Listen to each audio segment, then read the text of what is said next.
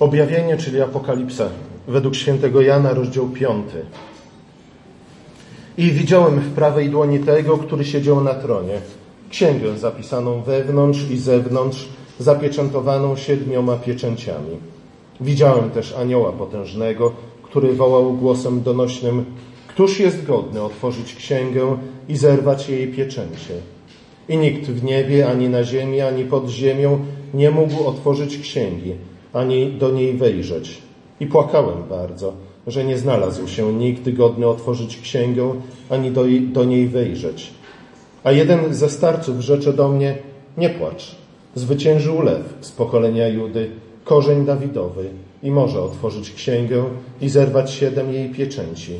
I widziałem pośrodku między tronem a czterema postaciami i pośród starców stojącego baranka, jakby zabitego, który miał siedem rogów i siedmioro oczu, a to jest siedem duchów bożych zesłanych na całą ziemię.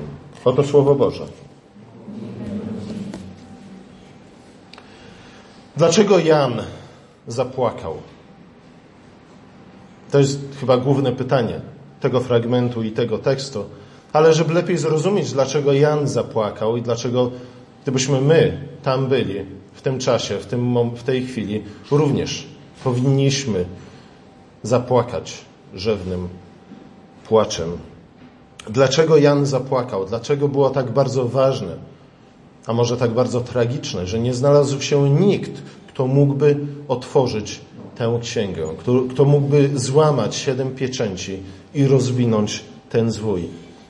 Aby lepiej zrozumieć, dlaczego Jan zapłakał, a Jan nie był rzewnym człowiekiem. Jan nie był człowiekiem, który łatwo płakał. Jan nie płakał wtedy, gdy dostał kaszę manną na śniadanie zamiast jajecznicy z bekonem. Nie dlatego Jan płakał. Jan był twardym mężczyzną. Dlatego, kiedy Jan płacze, powinniśmy zwrócić na to uwagę i zwrócił na to uwagę zarówno sam Jan, który napisał, opisał tę wizję, ale także Duch Święty, który go natchnął.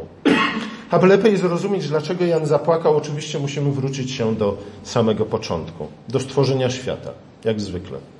Kiedy Pan Bóg stworzył człowieka, wtedy nie tylko uczynił człowieka na swój obraz i na swoje podobieństwa, ale także przekazał człowiekowi władzę, czyli panowanie, czyli opiekę, pieczę nad całym stworzeniem. Człowiek miał kontynuować dzieło stworzenia świata, które Pan Bóg uczynił w ciągu sześciu dni. Człowiek miał dalej przemieniać stworzenie z chwały w chwałę. Bóg postanowił działać poprzez ludzkość realizującą Jego plany. To nie znaczy, że Bóg całkowicie się wycofał z tego świata, bynajmniej Bóg wciąż spotyka się pierwszego dnia tygodnia po to, aby nas natchnąć, po to, aby nas wzmocnić, po to, aby nas oczyścić, a jednak poprzez sześć dni tygodnia, czy moglibyśmy powiedzieć normalnie, to my wykonujemy dzieło Boże w świecie. Nie? I o tym również przypomina nam nabożeństwo, ze względu na to, że to nie duch bezpośrednio do nas przemawia, ale duch, wybaczcie, ale dzisiaj przemawia do Was przeze mnie i przez pastora Andrzeja. Chrystus udziela nam swojego życia poprzez chleb i poprzez wino. Nie bezpośrednio, ale poprzez środki łaski. Na co dzień to człowiek jest odpowiedzialny za kontynuację dzieła rozpoczętego przez Stwórcę podczas sześciu dni stworzenia, czyli znów człowiek jest odpowiedzialny za przemianę stworzenia z chwały w chwałę. Pierwotnie ziemia była pusta, bezkształtna i zatopiona w ciemności. Ostatecznie ma stać się nową Jerozolimą. Na początku był ogród, który zasadził Bóg, ale to człowiek, działając w historii, przez pokolenia, ma z tego ogrodu uczynić miasto Boże. Niestety człowiek upadł, wymówił posłuszeństwo Bogu, złożył hołd szatanowi, napełnił ziemię bezprawiem i grzechem. Choć miał napełnić ją poznaniem i chwałą Stwórcy. Od tej pory ziemia oczywiście napełnia się ale nie napełnia się tym, czym powinna się napełniać. E, nie napełnia się poznaniem i chwałą Stwórcy. Ziemia oczywiście nabiera jakąś formę, ale nie jest to forma, które odpowiada temu niebiańskiemu archetypowi, który ujrzał między innymi Mojżesz, zanim zbudował przybytek na pustyni. E, pierwotna ciemność, w której nie było nic moralnie złego ani grzesznego, stała się od tego czasu synonimem niewoli i niedoli. Mimo to Bóg nie zrezygnował z pierwotnego planu powierzenia odpowiedzialności za stworzenie właśnie człowiekowi. Choć zniszczył pierwsze stworzenie wodami potopu, to jednak wybrał Noego, który miał być nowym Adamem. Mówi o tym innymi psalm, psalm 8, a mianowicie, że Bóg stworzył człowieka niewiele mniejszym od siebie i powierzył mu władzę, czyli opiekę, pieczę nad dziełami rąk swoich. I psalm 8 mówi nie tylko o Adamie, ale mówi także o Noem, mówi o Abrahamie, mówi o Dawidzie, mówi o całym ludzie Bożym, o Izraelu jako takim. Bóg związał się przymierzem ze swoim ludem właśnie po to, aby pieczą nad stworzeniem sprawowali ludzie pobożni i ludzie posłuszni Bogu. We wszystkim szukający nie własnej chwały, ale chwały Stwórcy. Niestety Izrael zawiódł, lud Boży zawiódł, mimo że Bóg wielokrotnie odnawiał go, wielokrotnie dawał mu pobożnych przywódców. Prędzej czy później historia powtarzała się, a nawet nie tylko powtarzała się, ale każdy kolejny upadek okazywał się być jeszcze większym upadkiem niż poprzedni. Skończyło się na tym, że to właśnie my, jako lud Boży, bo to w Ewangeliach oznacza słowo Żydzi. My, jako lud Boży, wołaliśmy na dziedzińcu Piłata: Ukrzyżuj go, ukrzyżuj go, krew jego na nas i na nasze dzieci. Nie tylko zawiedliśmy, ale staliśmy się tą główną, kluczową, krytyczną częścią problemu. Czy w związku z tym Bóg zrezygnował ze swojego pierwotnego planu, aby powierzyć człowiekowi pieczą nad, nad stworzeniem, pieczę nad ziemią, pieczę tak naprawdę nad rozwojem historii, aby z ogrodu ostatecznie uczynić miasto Boga? Bynajmniej. Bóg nigdy z tego nie zrezygnował. Bóg zawsze chciał, aby to człowiek dokończył to, co Bóg rozpoczął. Słuchajcie, właśnie o tych sprawach, o tych kwestiach musimy pamiętać, jeśli chcemy zrozumieć, e, o czym czytamy tu w piątym rozdziale Apokalipsy. A, zwłaszcza e, pytanie potężnego anioła, który mówi, kto jest godny otworzyć ten zwój i złamać pieczęć? I dlaczego? Kiedy okazało się, że nikt w niebie, ani na ziemi, ani pod ziemią nie mógł otworzyć zwoje, ani patrzeć na niego, dlaczego właśnie wtedy Jan zapłakał? Jan zapłakał właśnie dlatego, że nikt nie mógł otworzyć, złamać pieczęci, rozwinąć tego zwoju. Innymi słowy, nikt, żaden człowiek nie był w stanie sprawić, żeby historia posunęła się do przodu. Żeby nie tylko skutki upadku Adama zostały zniweczone, odwrócone, ale także, żebyśmy w końcu trafili do miasta Bożego. Jak czytamy w dalszej części Apokalipsy, zwój zawierał właśnie ten plan Boga dla stworzenia. Był to plan nie tylko uwolnienia stworzenia z niedoli i z niewoli spowodowanej grzechem, ale także plan, którego kulminacją była właśnie Nowa Jerozolima, czyli miasto święte, miasto, w którym nigdy nie zapada noc, miasto, w którym nie ma już płaczu, nie ma śmierci, nie ma znoju i nie ma cierpienia. Gdyby nikt nie złamał tych pieczęci, gdyby nikt nie rozwinął tego zwoju, wtedy Nowa Jerozolima na zawsze pozostałaby tylko i jedynie niedościgłym marzeniem. Przedmiotem oczywiście najgłębszych tęsknot ludzkich, bo o tym wszyscy w głębi serca tęsknimy. Tęsknimy właśnie za Nową Jerozolimą, miastem światłości, miastem radości, miastem pokoju. Przedmiotem pozostałaby przedmiotem najgłębszych tęsknot ludzkich, który jednak nigdy nie doczekałby się urzeczywistnienia. Nowa Jerozolima byłaby tylko i wyłącznie pustą obietnicą. Związku z tym również stworzenie okazałoby się całkowicie bezpłodnym projektem. Cóż z tego, że szóstego dnia Pan Bóg powiedział, że to jest bardzo dobre.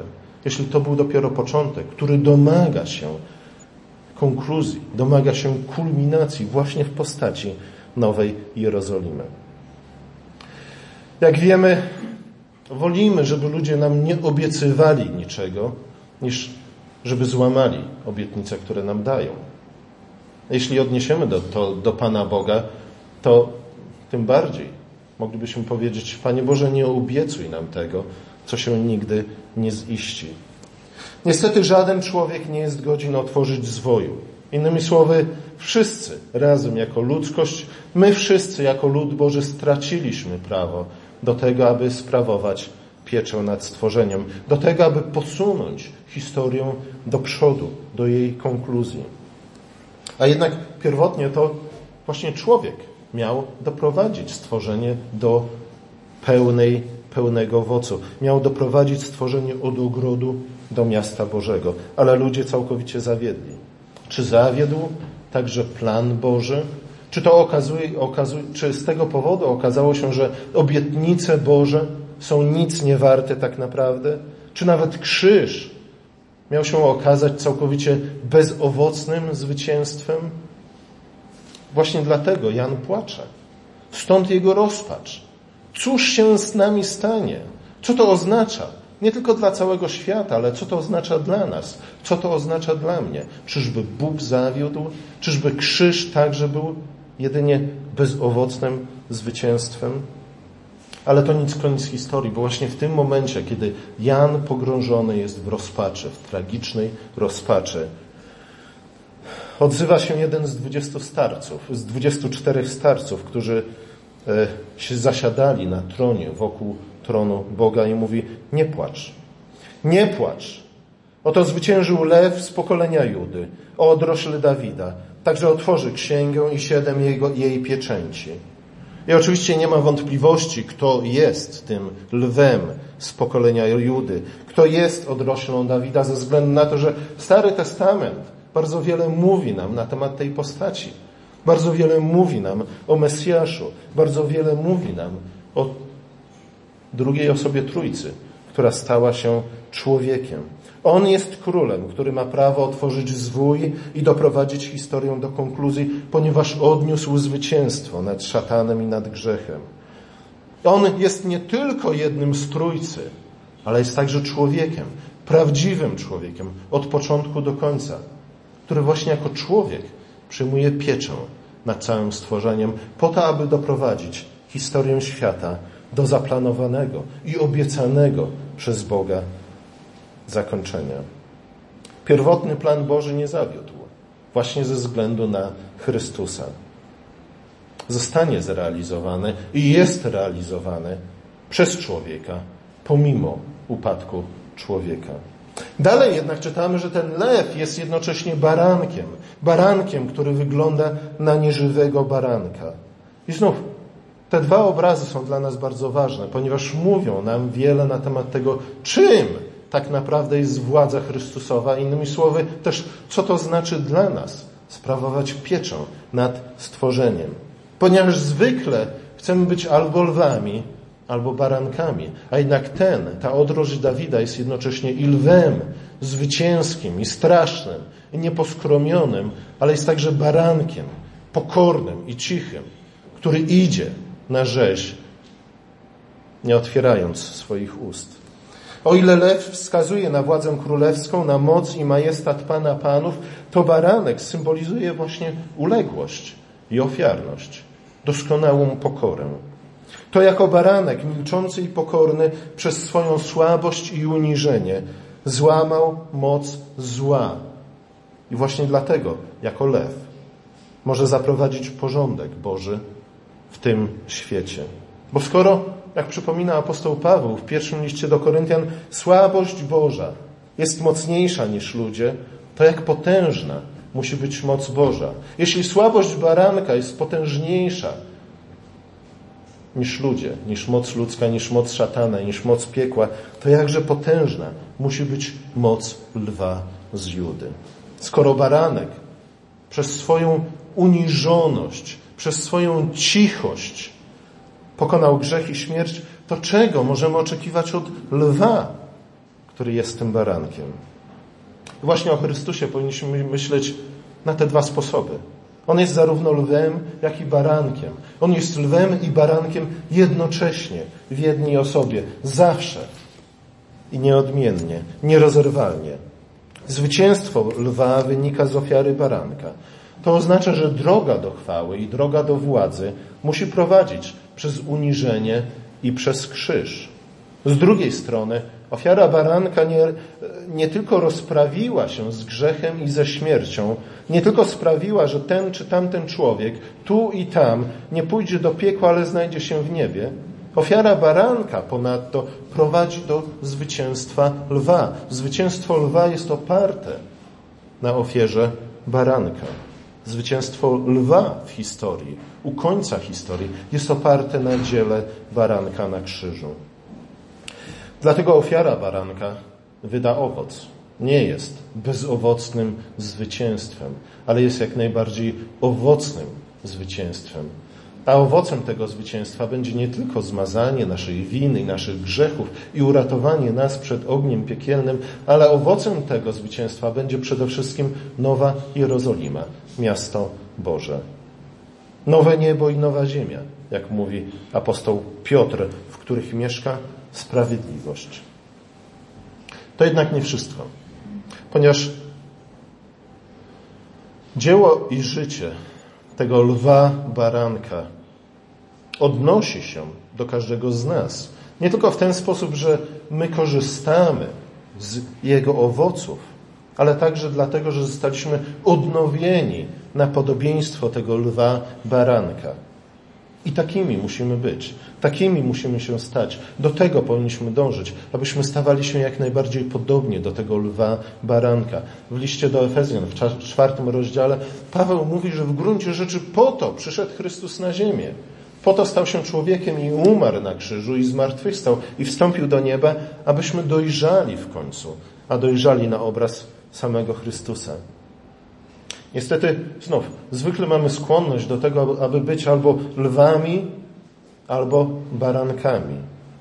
Jako chrześcijanie lwy przyznajemy, co prawda, że Jezus umarł za nasze grzechy, ale od tej pory uważamy, że powinniśmy postępować na modłę właśnie lwów, czyli tym albo innym sposobem przymuszać rzeczywistość do uległości wobec woli Bożej. Chociaż zazwyczaj to oczywiście oznacza do uległości wobec naszej woli. Niestety. Chcemy chwały bez cierpienia, chcemy korony bez krzyża, chcemy zbiorów bez zasiewu, chcemy owoców bez czekania. Stajemy się ludźmi niecierpliwymi, a człowiek niecierpliwy, zniecierpliwiony staje się człowiekiem, który coraz częściej ucieka się do przemocy raczej niż do perswazji. Ale Jan mówi, myśl o lwie, ale spoglądaj na baranka. Myśl o lwie, ale nie zapominaj o baranku. Z drugiej strony możemy być barankami raczej niż lwami. Wtedy co prawda nie przeczymy temu, że Chrystus jest lwem, ale nie za bardzo chcemy uznać, że Jego władza dotyka w jakiś szczególny, istotny sposób tego, co tu i teraz, tego, co materialne, tego, co historyczne, tego, co społeczne, ba, nawet tego, co polityczne i ekonomiczne. Uważamy, że świat jest, ten świat jest bezpowrotnie stracony. Że wszystko, na co możemy liczyć, to tylko szybka ewakuacja z ziemi do nieba, abyśmy już nigdy nie musieli wracać na ten padł łez. Nie liczymy na żadną koronę, nie spodziewamy się żadnej chwały w tym życiu. Ale Jan odpowiada nam, jeśli jesteśmy bardziej barankami niż lwami, spoglądaj na baranka, ale myśl o lwie. Tak jak Chrystus jest jednym i drugim. I nie mógłby być lwem, gdyby wcześniej nie był barankiem. I nie byłby barankiem, gdyby nie chciał się stać również lwem. Także my mamy być jednym i drugim. Pokornymi, cichymi, uległymi jak baranki ale z drugiej strony odważnymi i nieustępliwymi jak lwy. Na koniec nie zapominajmy w tym wszystkim, że lew baranek, jak czytaliśmy, nosi siedem rogów i ma siedmioro oczu. Dziwny ten baranek, ale czego byśmy się spodziewali po takiej hybrydzie. Innymi słowy, on jest zarówno wszechwiedzący, jak i wszechmocny. On nie tylko złamał pieczęcie, siedem pieczęci tego zwoju, nie tylko rozwinął ten zwój, nie tylko sprawił, że historia może toczyć się dalej ku zamierzonemu i obiecanemu przez Boga końcowi, ale także realizuje plan w nim zawarty. To właśnie on, lew baranek, z siedmioma rogami i z siedmioma oczami, jest tym, przez którego i dzięki któremu historia dojdzie do zaplanowanej i obiecanej przez Boga konkluzji. Cokolwiek od tej pory ma miejsce, niechybnie zmierza do realizacji właśnie tego planu. Bóg jest wierny. Bóg jest prawdomówny. Jeśli Bóg obiecuje, jeśli Bóg planuje, to również dotrzymuje i wykonuje.